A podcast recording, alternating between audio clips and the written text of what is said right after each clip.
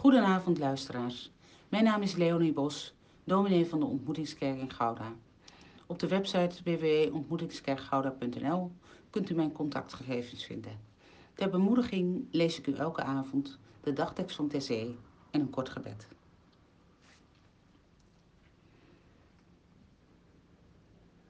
De Heer zei tot zijn volk: Van geweld in je land wordt niets meer vernomen. Overdag is het licht van de zon niet meer nodig. De glans van de maan hoeft je niet te verlichten. Want de Heer zal je voor, zal je voor altijd licht geven en je God zal voor je schitteren.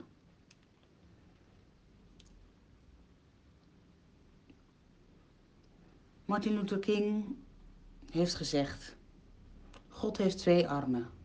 God heeft twee uitgestrekte armen.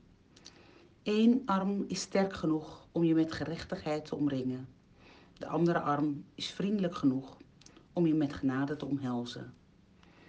Met alle geweld die er nu is in de wereld, zoeken wij en tasten wij naar God met onze vragen, met onze onzekerheid en twijfels. Met de verhalen die wij gehoord hebben, die onze ouders hebben verteld, die we doorgeven aan onze kinderen. Op onze weg door het leven willen wij een goede richting inslaan. Wij vragen niet om een gemakkelijk pad, maar om inzicht in de juiste koers, om het uitzicht op uw rijk van vrede. Bevrijd ons, Heer, op onze levensreis van ballast die er niet toe doet, van lasten die te zwaar worden, en wijs ons op uw juk dat licht te dragen valt, door Jezus Christus, onze leider met gezag.